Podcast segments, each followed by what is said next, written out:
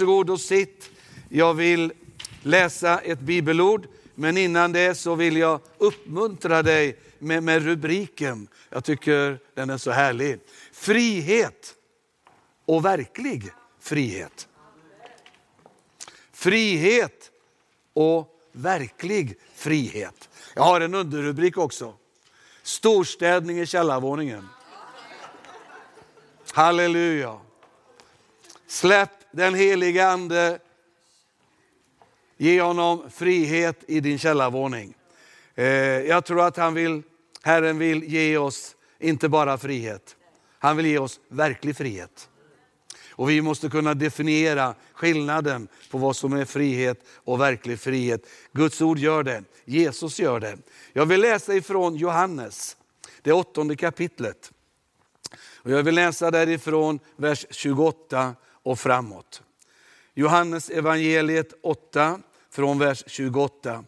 Och Jesus sa, när ni har upphöjt Människosonen ska ni förstå att jag är den jag är och att jag inte gör något av mig själv utan talar så som Fadern har lärt mig. Och han som har sänt mig är med mig. Han lämnar mig inte ensam eftersom jag alltid gör det som behagar honom. När han sa detta kom många till tro på honom. Och till de judar som trodde på honom sa Jesus, om ni förblir i mitt ord är ni verkligen mina lärjungar. Ni ska lära känna sanningen och sanningen ska göra er fria. De sa, vi härstammar från Abraham och har aldrig varit slavar under någon. Vad menar du då med att vi ska bli fria? Jesus svarade, sannerligen, jag säger er, var och en som syndar är slav under synden. Slaven stannar inte i huset för alltid, men sonen stannar för alltid. Om nu sonen befriar er, blir ni verkligen fria. Jag vet att ni härstammar från Abraham, men ni vill döda mig därför att mitt ord inte har trängt in i er. Jag förkunnar vad jag själv har sett hos Fadern och ni gör vad ni har hört från er fader. De svarade, vår fader är Abraham. Då sa Jesus, är ni Abrahams barn? Då borde ni göra Abrahams gärningar. Men nu vill ni döda mig. Den som har sagt er sanningen. Men jag har hört av Gud, som jag har hört av Gud. Så gjorde inte Abraham. Ni gör er faders gärningar. Då sa de, vi är inga oäkta barn. Vi har Gud till fader och ingen annan. Jesus svarade, om Gud vore er fader skulle ni älska mig. Ty jag har utgått ifrån Gud och kommer från honom. Jag har inte kommit av mig själv, utan han har sänt mig. Varför fattar ni inte vad jag säger? Därför att ni inte står ut med att höra på mitt ord. Ni har djävulen till fader och ni vill göra vad er fader önskar. Han har varit en mördare från första början och han står utanför sanningen därför att någon sanning inte finns i honom. När han ljuger talar han med egna ord, ty han är en lögnare och lögnens fader. Men jag talar sanning och därför tror ni mig inte. Kan någon av er bevisa att jag har syndat? Om jag talar sanning, varför tror ni mig då inte? Den som har Gud till fader, han lyssnar till Guds ord. Men ni lyssnar inte därför att ni inte har Gud till fader. Man kan väl säga så här, Jesus är inte alltid någon enkel pastor och predikant. Han har inte så där självklara utläggningar då man bara känner halleluja. Utan det sätter igång någonting inom en. Och man tänker, vad menar du egentligen? Vad, vad, vad, landar jag i allt det här? Och, och, och vad kan jag vara trygg i? Och vad, vad gäller mig? Och eh, vad, vad är det jag så att säga ska ta fasta på?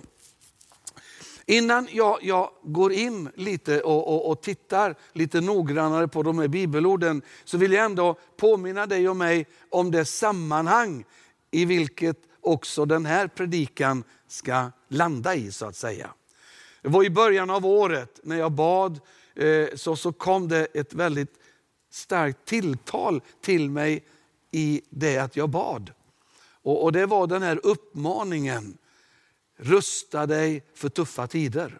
Rusta dig för tuffa tider. Och det där började växa och det började liksom dra mig in i en, ska vi säga, en tid av bön utifrån vad ligger i de där orden. Och, och, utifrån det har jag också då predikat ett antal söndagar utifrån perspektivet rusta dig för tuffa tider. Och jag har talat om att de tuffa tiderna kommer beröra många olika områden. Det kommer att beröra ditt personliga liv. Det kommer att beröra den omvärld du finns i, både den lilla och den stora. Det kommer också att beröra församlingslivet. Och vi har tittat på bibelord som har berört allt det här. Inte ens i församlingen kommer det vara bara en enbart bekväm tid. kommer det vara lite stökigt där också. Och jag har sagt det att rusta sig, det, det, det förutsätter att vi förankrar oss i det vi bör förankra oss i, nämligen frälsningens grunder. Och jag har betonat och sagt många gånger att det är viktigt att vi får en, så att säga, en heltäckande bild på vad Guds ord säger om frälsningen. Så att den inte blir ytlig och lite ska vi säga, förminskad. Eller kanske också lite förvirrat perspektiv på vad Gud säger om frälsningen.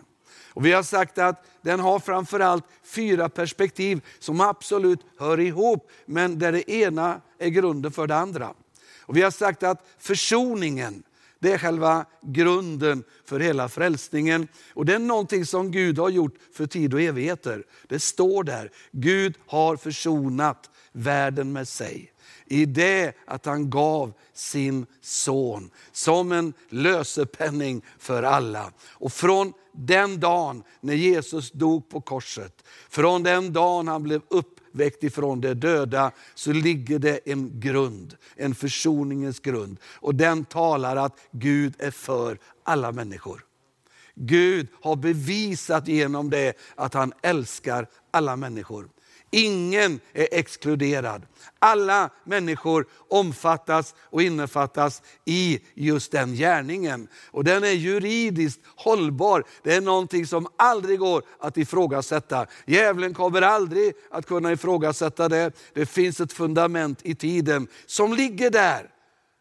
Som ett erbjudande till alla människor i alla tider, i alla generationer. Och utifrån försoningens grund finns det en möjlighet för varje människa att ta emot förlåtelse. Det är det som är så underbart. Den stund det väcks en tanke i ditt och mitt hjärta att vi behöver komma till Gud och be honom om förlåtelse. Så finns det alltid en förlåtelse tillgänglig för dig och mig. Och genom förlåtelsen så blir vi ett Guds barn. Vi blir födda på nytt. Vi blir en ny skapelse.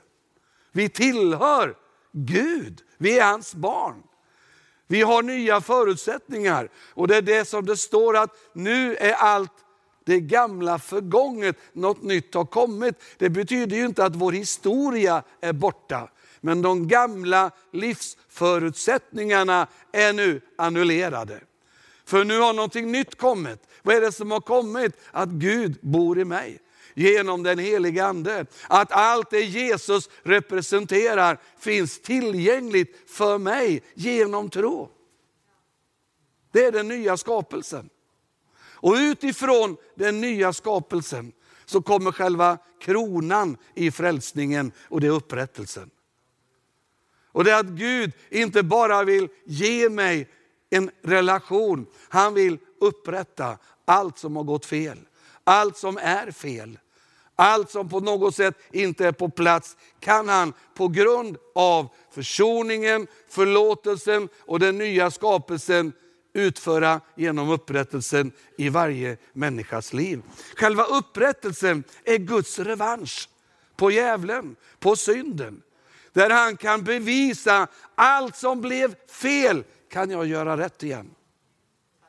Det är det som är så underbart, att förlåtelsen är inte bara att man drar ett streck över det som har gått fel. I förlåtelsen finns en kraft att upprätta allt som gick fel. Och vi får inte förminska detta i frälsningen. Alltså det smärtar mig alltid för att jag mötte ända sedan jag var ny i tron. Och det är det här att jag är den jag är och så har Gud gjort mig och så tänker jag förbli. Det är inte sant. Det är inte sant. Vilka vi är har många orsaker, har många skäl och alla är inte goda.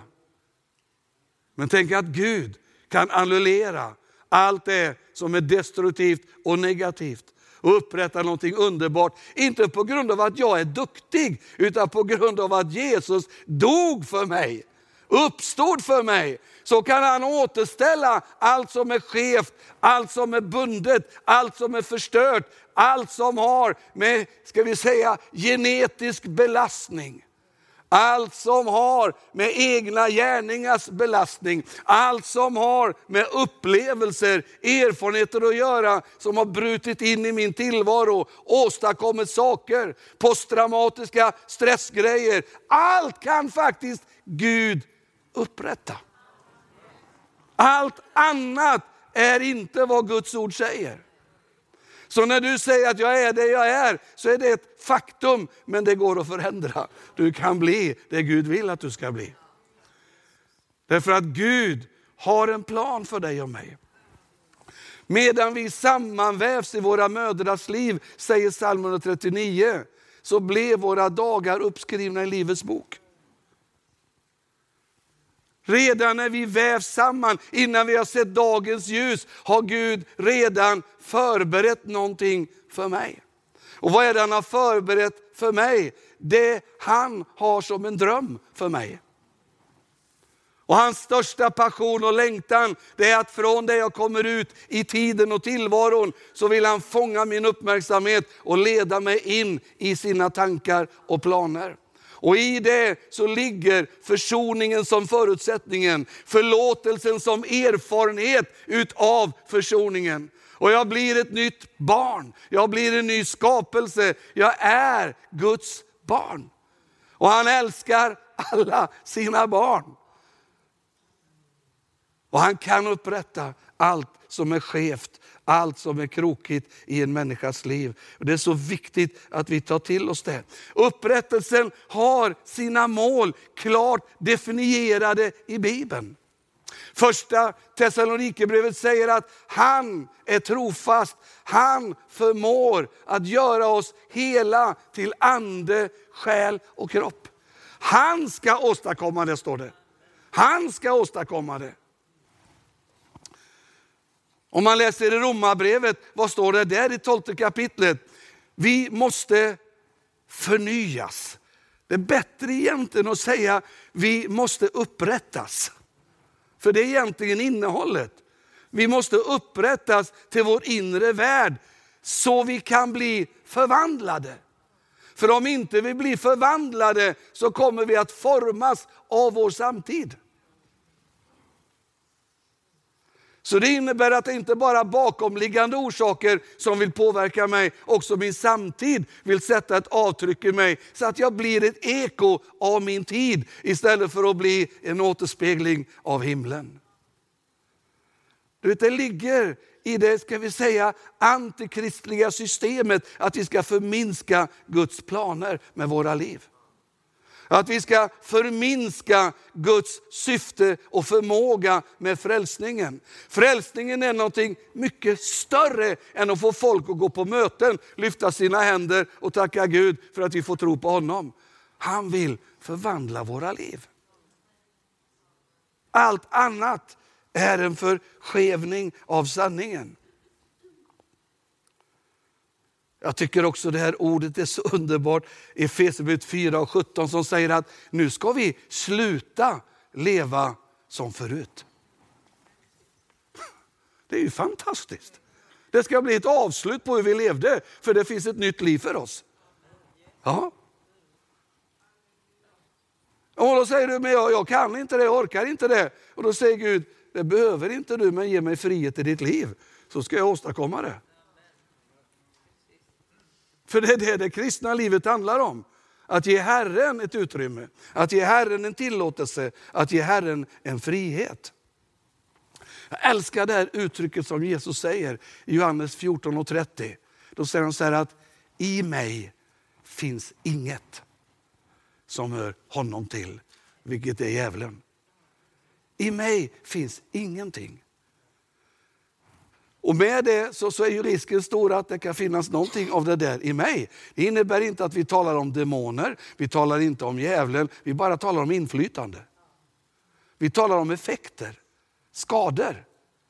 Som inte kommer som Guds välsignelser utan kommer genom att livet är vad det är. Så i det här sammanhanget ska du se dagens predikan. Människan är mycket mer komplex, det har jag också sagt tidigare, än vad vi ofta är medvetna om. Du är mer komplex än vad du riktigt har klart för dig själv. Och, och, och eh, Paulus säger så här i första Korinthierbrevet 2, ingen människa, han säger ingen människa vet vad som finns i en människa utom hennes egen ande. I det har han precis sagt de här orden. Ingen vet vad som finns i Gud utom Guds ande. Men genom Guds ande kan han uppenbara vad som finns i Gud och vilka gåvor han har för dig och mig. Precis i det andetaget som kommer efteråt så säger han så här, inte heller vet någon människa vad som finns i en människa. Utom genom hennes egen ande. Det betyder att innan vi har blivit födda på nytt, fått Guds ande in i våra liv, gjort vår ande levande, så har vi stått handikappade, begränsade. Att få en sann, en sann bild. Alla har vi en bild av oss själva. Alla har vi en bild av varandra. Men frågan är, är det en sann bild? En bild är det. Och den är ofta målad och frammejslad genom vad vi har hört om oss, vad vi tycker själva om oss. Eller vad vi uppfattar att andra tycker om oss. Och så lever vi med en självbild. Många gånger är den faktiskt destruktiv. Ibland kanske den blir lite högmodig och, och lite, liksom, ja, lite väl bra Eh, och, och osann på det sättet. Du och jag måste ha respekt för att vi har inte alltid en klar bild av vem vår medmänniska är. Men inte heller vem vi själva är. Det jag har sagt som är viktigt att veta, det är att Guds ord undervisar om att i varje människas inre liv, det som också används i begreppen ande och själ. I vår inre värld så finns det vad jag skulle vilja beskriva som två våningar. Och det är de ord man brukar använda, det är det medvetna och det undermedvetna. Och det undermedvetna som oftast då är det omedvetna. Och ibland så formar vi våra bilder av oss själva utifrån det medvetna. Och det medvetna kanske är som isbergen, det lilla som är synligt, medan det undermedvetna har en helt annan kapacitet och innehåll. Jag skulle vilja uttrycka det här med våningsplanen och det medvetna och undermedvetna utifrån, ska vi säga, markplan och källarplan. Och det är det jag menar att verklig frihet är länkat till en källarrengöring med Jesus och den helige Ande. Du vet om jag bara ger dig några exempel på detta som Bibeln ger, som illustrerar detta, fast kanske med lite andra ord. Men när vi tittar på skeendet och, och, och när vi uppfattar vad det är vi läser, så ser vi just hur de här mekanismerna är verksamma. Ta den här rike ynglingen som springer fram till Jesus. Och vi ser att han är ivrig och vi ser att han har bråttom. Han är angelägen. Han säger till Jesus, vad ska jag göra för att bli en del av Guds rike? Och Det står att Jesus, och det är viktigt att det står alla de där orden, Jesus tittar på honom, fattar kärlek till honom, står det. Så säger han, du ska hålla buden. Och så ger han några bud där. Och då säger han, ja men det har jag gjort ända sedan jag var liten. Han drar en lättnadens suck. Och då tittar Jesus på honom och så säger han så här att, men en sak fattas dig. Gå bort och sälj allt vad du äger och ge det till de fattiga och följ mig sedan. Vad händer då? Ja, då kastas ju hela bilden om. va? Den ivrige, den passionerade tvärstannar. Och det står att han var inte alls beredd att följa. Det står att han går därifrån bedrövad. Vad tog glädjen vägen? Vad tog passionen vägen? Vad tog allt det som var så synligt vägen? Det bara försvann. Helt plötsligt så välde någonting upp som ingen människa hade en aning om. Och varför blev han bedrövad? På grund av det Jesus sa. Var det ett, ett bestraffande ord? Ja, det är många som kan se det så. Jesus ville stjäla allt vad han hade. Han ville ta förmögenheten ifrån honom för han ville missunna honom att ha en förmögenhet. Nej, det var lite frihet på gång. Vad Jesus gjorde det var att han knackade på dörren till hans undermedvetna. På källarvåningen. För där fanns någonting. Och det var inte först hand pengarna som låg där, utan det var det som så att säga var bundet till just pengarna. Och som hade ett så starkt inflytande på den här mannen att det kunde styra honom bort ifrån det han i hans medvetande ändå ville. Han ville ju få del av Guds rike. Han ville ju det. Och när då Jesus liksom vill sätta honom fri att kunna följa,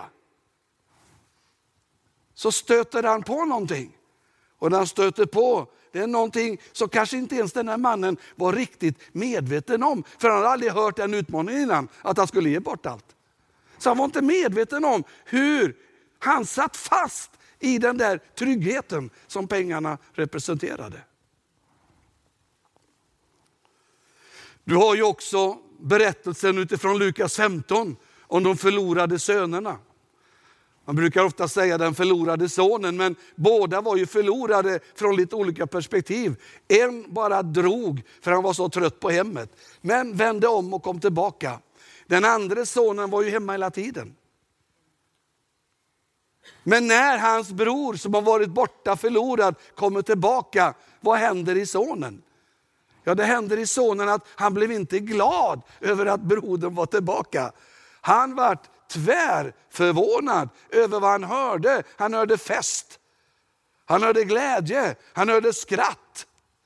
Så jag menar, hela hemmet var i glädje. Han var en del av hemmet, han var broder. Det första han säger till pappan, det är, vad är det som har hänt?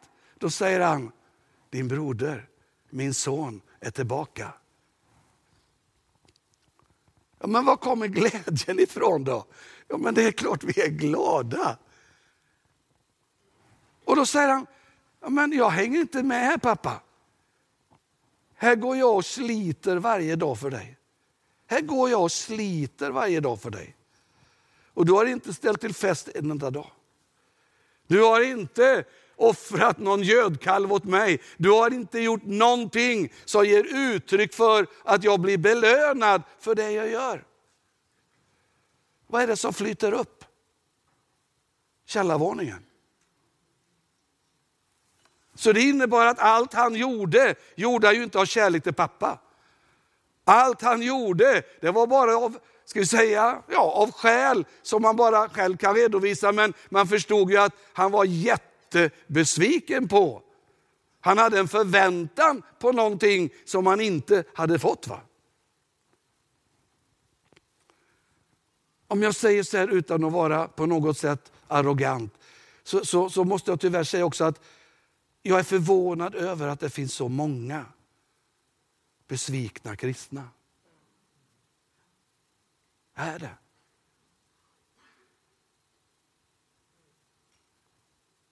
Men jag får ju ett svar här.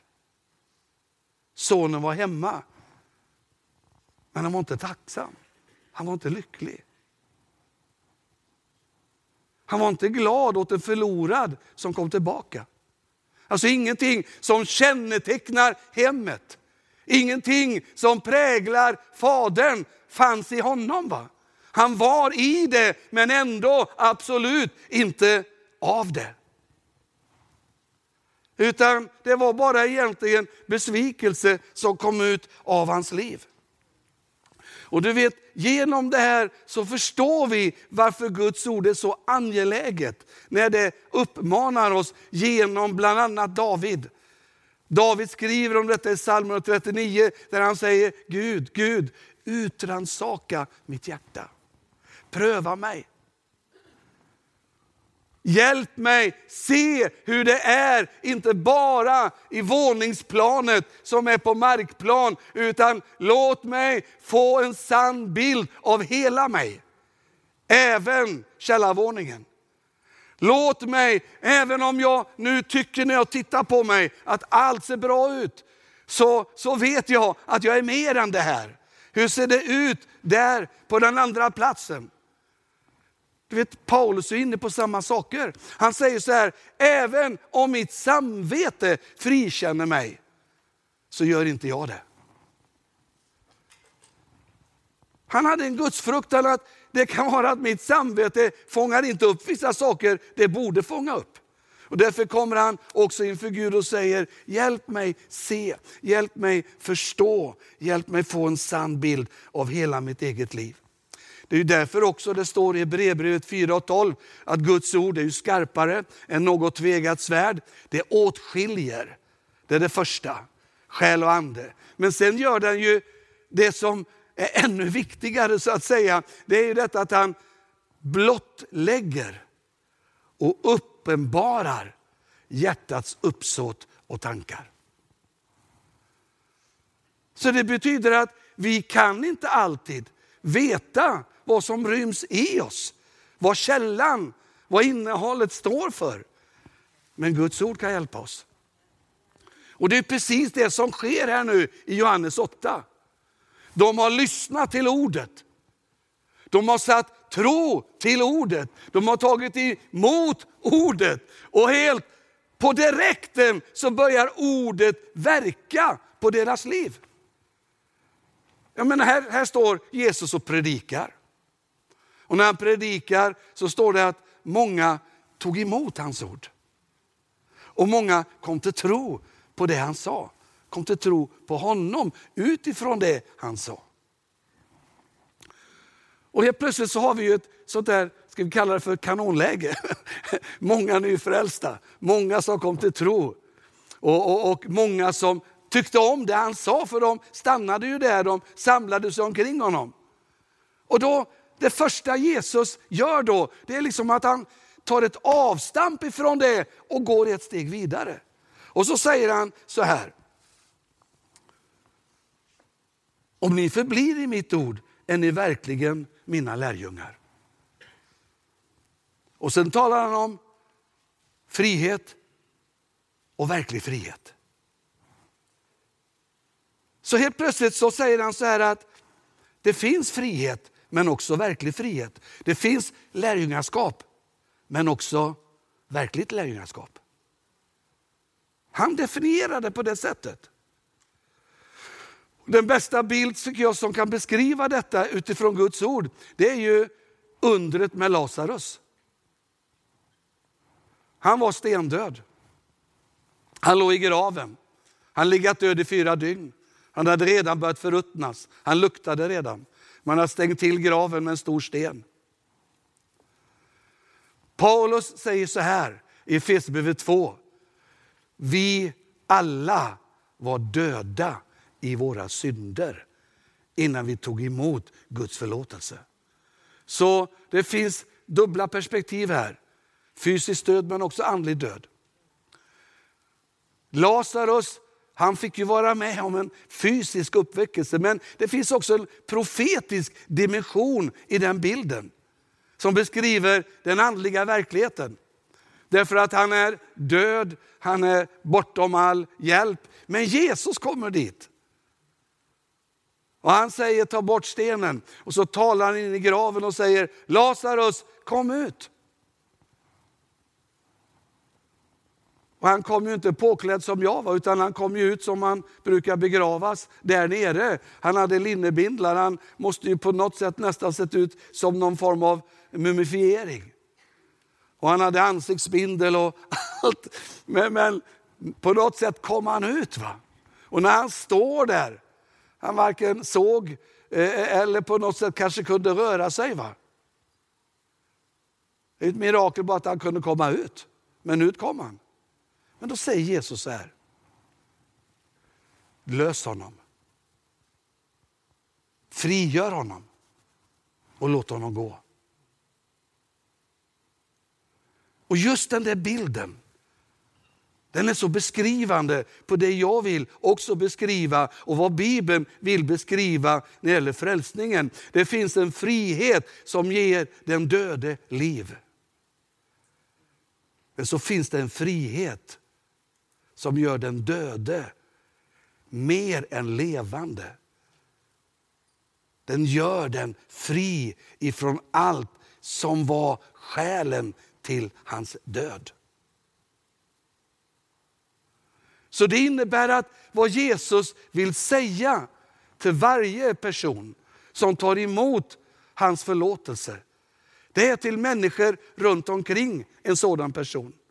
Och den uppmaningen, utmaningen, uppmuntran, den är ju den här. Nu, nu har han liv.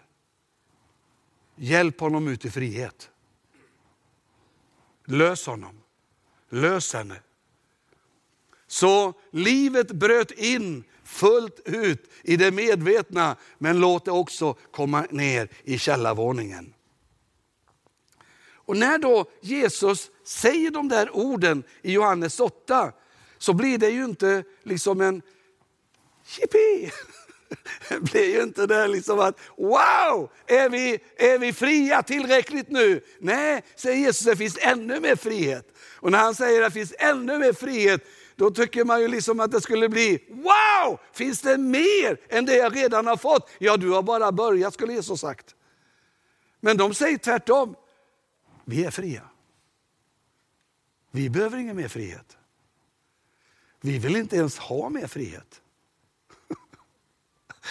Och då tänker ni, då, ja, ja, någon av er i alla fall, någon av er har säkert tänkt så som jag har tänkt ibland när jag läser Bibeln. Hur dum får man vara? Hur dum får man vara? Det är ju därför att jag läser om det i en situation där jag själv inte befinner mig just där. Men sen hamnar man i livet precis där och ser att man reagerar precis på samma sätt. Jag har läst om lärjungarna, jag har läst om det judiska folket. Jag har tänkt, hur, hur dum får man vara? Hur dum kan man vara? Jag menar, fattar de ingenting? Gud gör mirakel och mirakler. Och så händer någonting som inte står för mirakler, men som är miljön för mirakel. Och det är liksom att de får ett nytt problem. Och när problemet kommer så tänker man inte wow, nya möjligheter för Gud, visa sin storhet. Utan det är det här, Gud, vem är du? Har du glömt mig? Har du fullständigt övergett mig? Finns du inte alls? Och så vänder man någonting emot Gud. Hade du varit här, precis som systrarna, en av systrarna där. Hade du varit här hade han aldrig dött. Precis som Jesus hade dödat honom. Hade du varit här, jag menar hur många gånger har inte vi som kristna sagt det, Gud, hade du varit här hade aldrig det här hänt. Men egentligen är det inte där problemet finns. Va? Utan problemet är ju så att säga att vi tänker på det sättet. Du vet källarvåningen, källarplanet har en otrolig förmåga och styrkraft i våra liv. Du har ingen aning ibland vad som är skälen till att du tänker som du gör i vissa situationer, handlar som du gör eller väljer som du gör. Du tror ju naturligtvis du gör det utifrån en egen övertygelse och det gör du ju på ett sätt. Men vad har format den då? Vad har format den? Är det det fria du? Eller är det det bundna du? Tänk att ett helt folk kunde be, låt oss slippa gå in i välsignelsen. Vi vill hellre dö i öknen. Det har vi längtat efter länge. Det är bara att man hade bett som folk i 400 år att slippa slaveri, men nu ville man dö i öknen. Du vet om man bryter ner detta riktigt, alltså det, jag, jag har ju mött det här också, när man läser sådana bibelord, var alltid glada. Var alltid glada. Filipperbrevet. Återigen säger jag, säger Paulus, var alltid glada. Då säger man, jag kan inte det. Varför kan du inte det då? Så som jag har det. Eller, jag är inte den personligheten. Men du vet, det kanske är helt fel liksom, perspektiv. Om Bibeln säger var alltid glad, så betyder det att det finns förutsättningar för att vara det. Och jag måste personligen säga att det är lättare att vara glad. Om man nu säger så här, det är lättare att leva och vara glad. Än att vara där nere i källaren. Och då kanske du säger, ja, men du är en sån personlighet. Ja, men då känner inte du mig. Då har du ingen aning om vem jag är. Jag måste säga att jag tackar Gud för att det fanns ett evangelium som kunde sätta en fri ifrån den melankoliska sidan i ens liv. Då man kunde åka ner i spiralen, verkligen.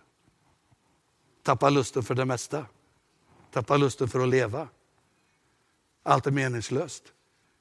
Finns inget hopp, finns ingen framtid, finns inget syfte överhuvudtaget varför jag finns. Tänk att det finns ett evangelium. Att det finns en nåd som kan sätta en fri. Där man genuint av hela hjärtat kan säga tack Gud för att jag får leva. Tack Jesus för att du finns. Du gav mig inte bara en överlevnadshändelse. Du gav mig en framtid, du gav mig ett hopp, du gav mig ett syfte, du gav mig energi, du gav mig livsglädje. Det håller år efter år, det tar inte av en millimeter. Gud är trofast. Gud är trofast. Jag menar, jag vet ju hur mitt liv var innan jag kom till tro. Då jag många gånger upptäckte det där. Med egna val valde jag mig till platser där jag inte ville vara. Av egna val valde jag mig till platser där jag fann mig, här vill jag inte vara, men jag var där. Och det var inte lätt att gå därifrån. Vem tog mig dit? Ja, inte var det Gud. Vem var det då? Ja, det var jag.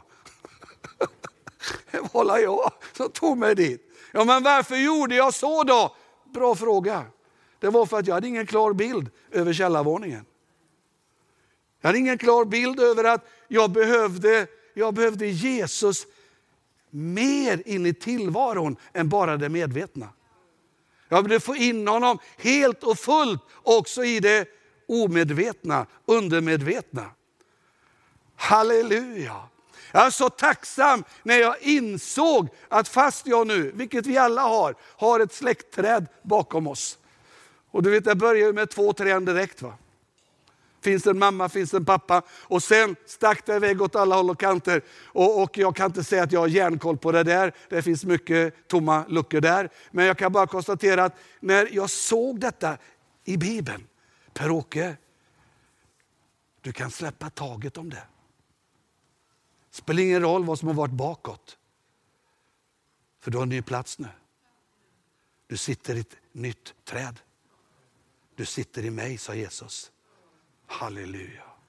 Det är mina gener som är tillgängliga för dig.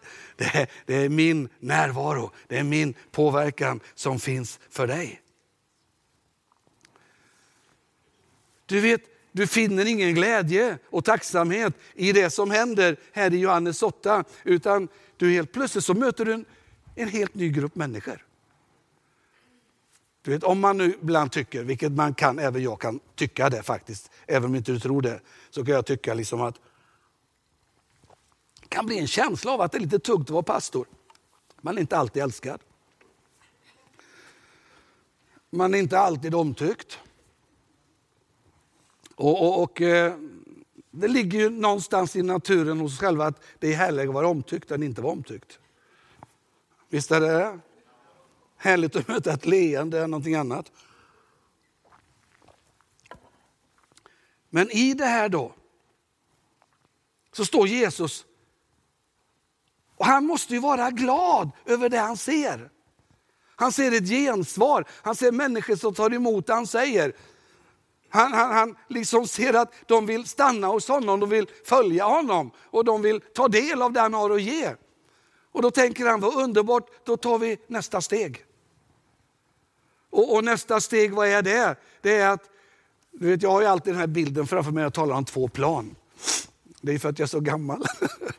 Du vet förr i tiden, när man, du vet, då var sommarstugorna inga palats, utan då var det ju enkla stugor man, man reste upp där på 50-talet. Då hade man alltid i köket, för jag vet inte varför det var i köket, men det var alltid i köket. Så la man ofta en, en, en, en typ en, eh, en sån här trasmatta ovanför. Men när man flyttade på trasmattan så var det en lucka där. Och när man lyfte på den luckan så hade man skafferiet där nere. Och ibland var det litet, ibland var det större. Men det var inte jättestort. Man, men man kunde gå ner på några trappsteg och så var det överallt olika hyllor med burkar och saftade grejer och allt sånt där. Jag tyckte det alltid var spännande att gå ner och liksom hämta upp någonting därifrån. Men man var väldigt noga med att på med luckan när man var färdig och så på med mattan. Och det är så vi lever. Det är så vi lever. Vi är, alltså, vet, vissa av oss kanske inte ens visste att det fanns något under mattan. Då är den här predikan underbar bara i det. Du har något under mattan.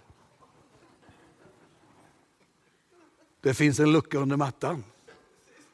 Och under den finns någonting, Uh. Där ligger inte den största glädjen i alla fall kan jag tala om för dig. Och det som är där har inte ens bara du sett till att kommit dit.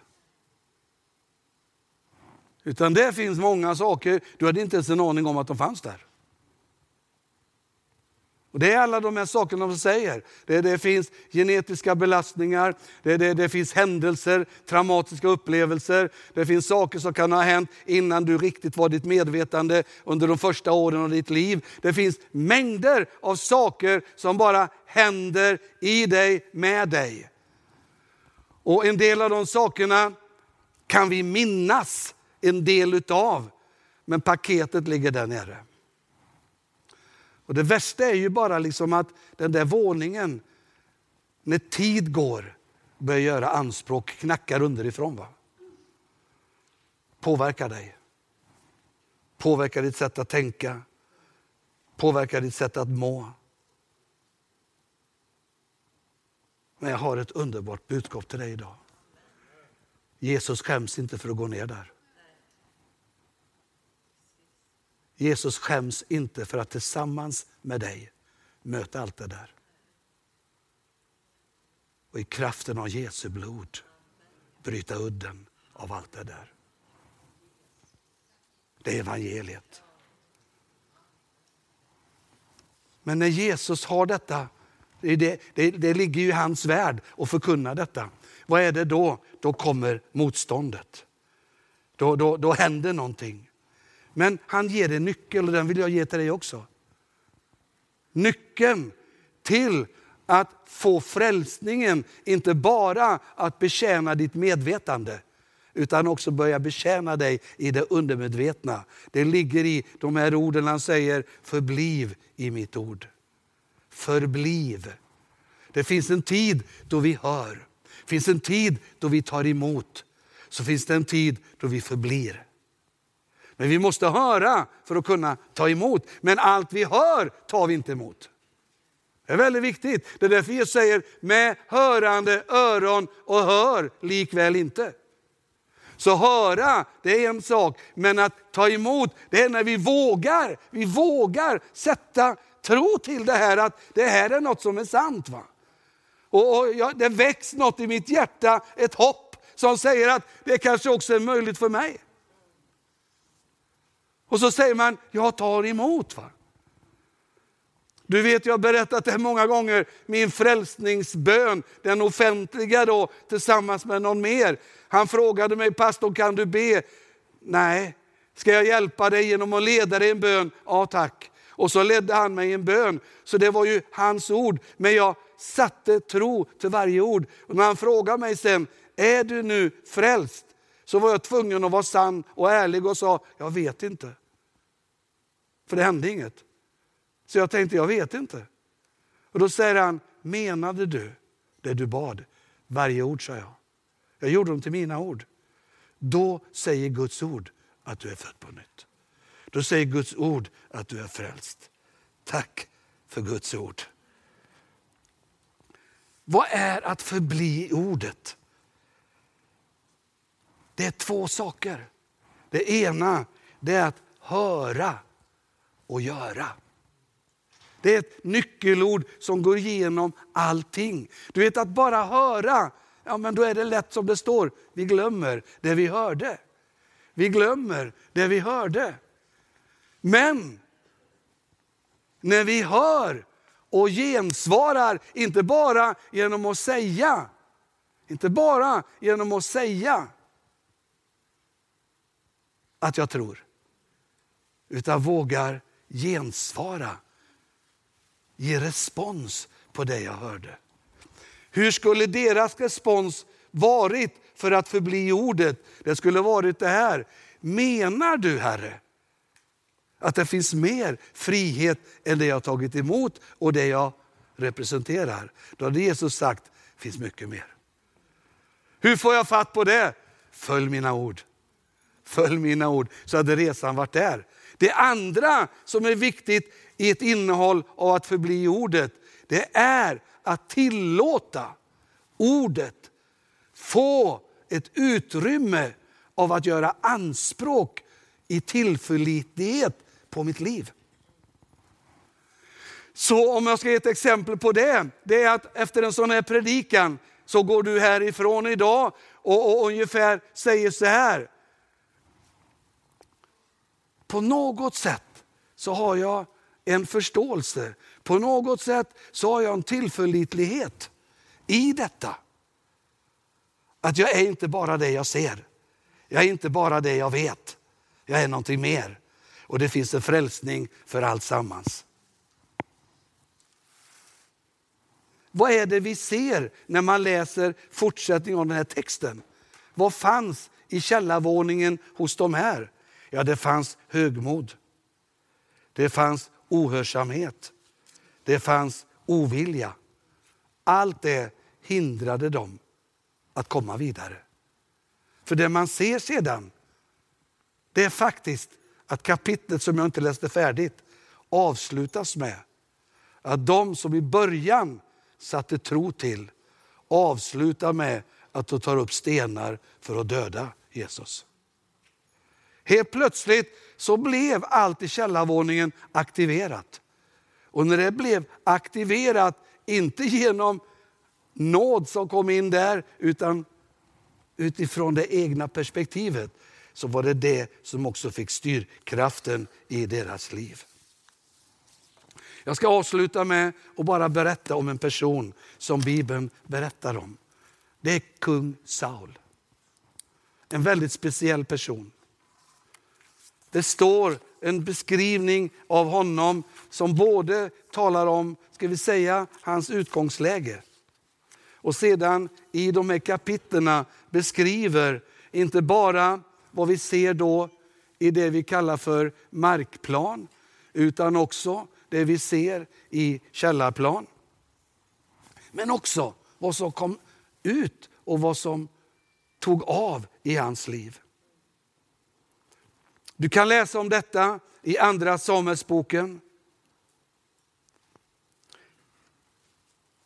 måste väl vara första Samuelsboken. Jag har skrivit andra Samuelsboken, men jag har svårt att tro det nu när jag talar. Det är första Samuelsboken, jag tänkte det. Första Samuelsboken, kapitel 9 till och med 31. Det är många kapitel, men, men det är värt att läsa. Det vi får reda på i de där kapitlerna, det är en hel del. Det första vi får reda på, det är egentligen hans, ska vi säga, ursprung. Det står att han växte upp egentligen i en ganska förmögen familj. Han växte upp där det fanns goda förutsättningar runt omkring honom. Han hade inte en massa oro och bekymmer i sitt liv, utan han hade det väl ställt. Men inte bara det, utan det står också om hur man såg på honom. Hur andra såg på honom. Och man uttrycker det genom framförallt de här orden. Att eh, han var en man som var huvudet högre än alla. Det fanns, visst är det fantastiskt om man nu har liksom en längtan efter det här. Det fanns ingen ståtligare i hela Israel. Han var huvudet högre än alla andra. Jag kan inte riktigt se det i mitt eget liv. Varken att jag har huvudet högre än alla andra och kanske inte ståtligare än alla andra heller. Men han var det. Han var en ståtlig man. Han, han, han hade verkligen någonting som lyfte upp honom och som visade att han stod och representerade någonting. Men utöver detta då så gjorde Gud någonting som var exceptionellt i hans tid. Ja, det var exceptionellt i alla tider egentligen, men framförallt i hans tid. Därför att han, det står så här att Gud möter honom. Och det står att Gud ger honom ett nytt hjärta. Så han drabbas av Guds närvaro. Det står att profeten Samuel kommer till honom och, och häller olja på hans huvud och talar ut profetiska ord över hans liv. Du ska bli konung över hela landet.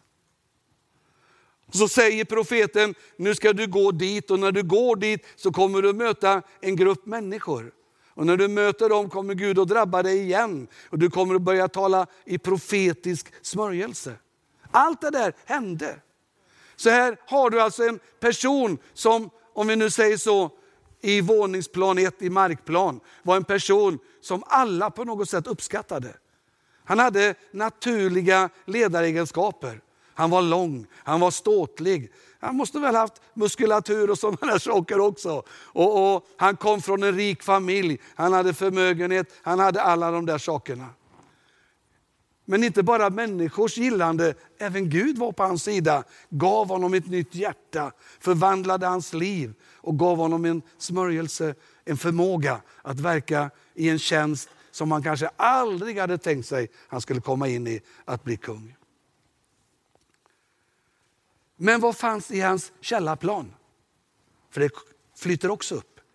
Trots att människor talade ut detta om honom, Trots att människor talade ut detta när man beskrev honom, så hade han en helt annan bild av sig själv. Du vet, att läsa om honom, det är som att läsa om Gideon.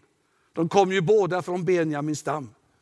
Han gör exakt samma uppräkning som Gideon gör. Jag är den minste i min familj. Och min familj är den minste i min släkt. Och min släkt är den minsta i min stam och min stam är den minsta bland alla stammar i folket. Så tänk att man kan vara så skild ifrån verkligheten. Inom sig själv bar han en bild som var totalt motbild av den alla andra såg. Han såg ingenting av det de såg.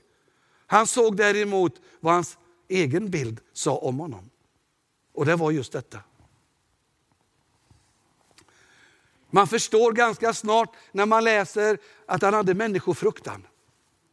Han var angelägen om så att säga att, att plisa människor, att, att liksom vara välbehaglig inför människor. Han ville aldrig ta en konflikt, han ville aldrig ta en strid. Han ville på något sätt bara få folk att vara vänner med honom. Därför var han väldigt kompromissvillig. Han hade liksom inga sådana här tydliga linjer som var avgörande för honom i hans liv. Det visade sig också att han inte bara var ohörsam så där i största allmänhet, utan den ohörsamheten slog omedelbart in i hans liv med Gud.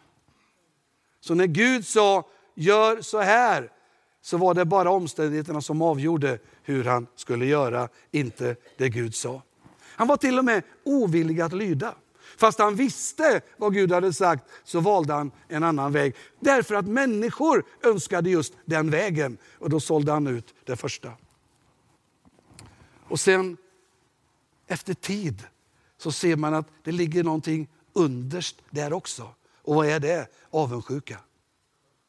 Avundsjuka. Ingenting av detta var synligt ifrån början. Men från det Gud började verka i hans liv, från det Gud gjorde någonting i hans liv och började ta honom, ska vi säga nu, på rätt väg.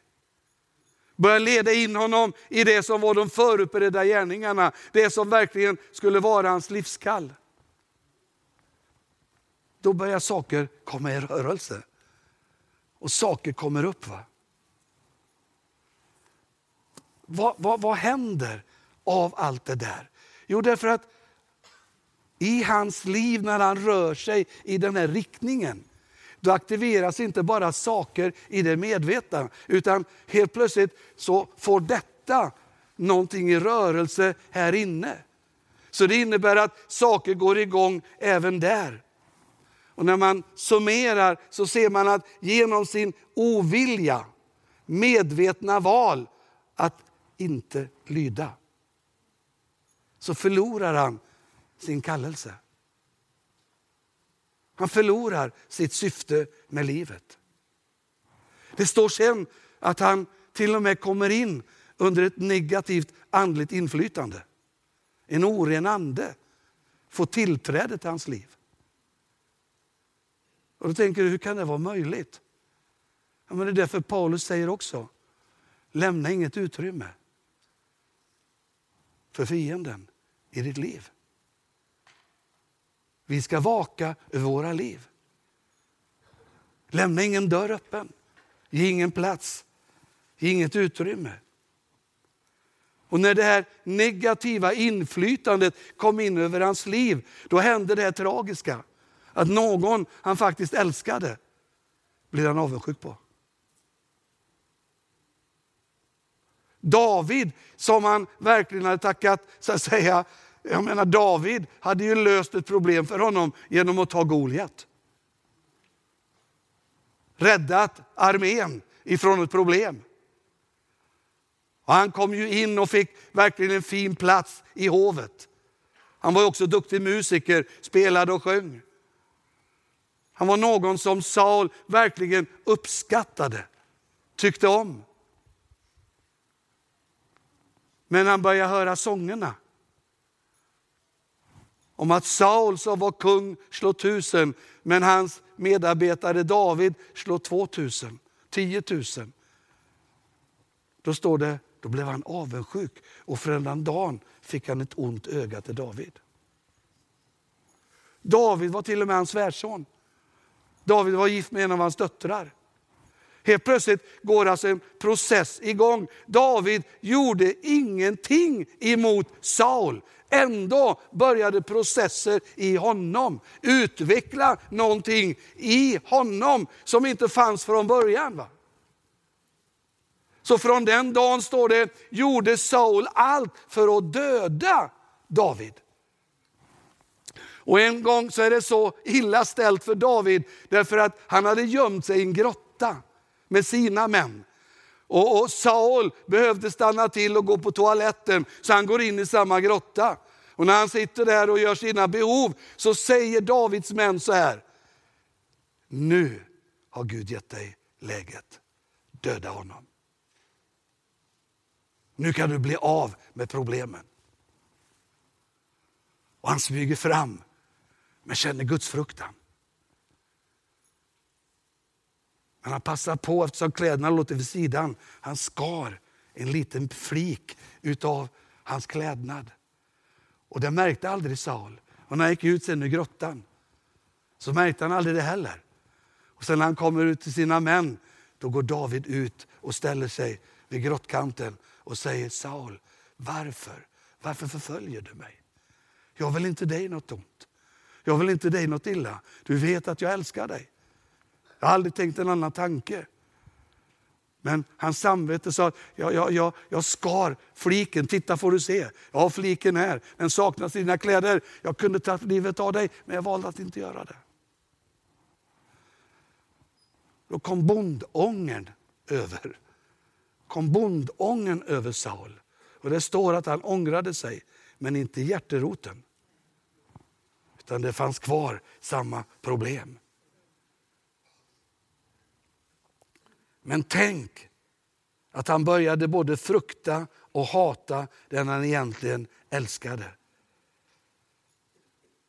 Och den han älskade blev en fiende för honom i hans värld. Det är här du kan förstå Putin. Men vi är alla människor. Men tack Jesus för att det finns en frälsning för hela människan. Ska vi stå upp inför Herren?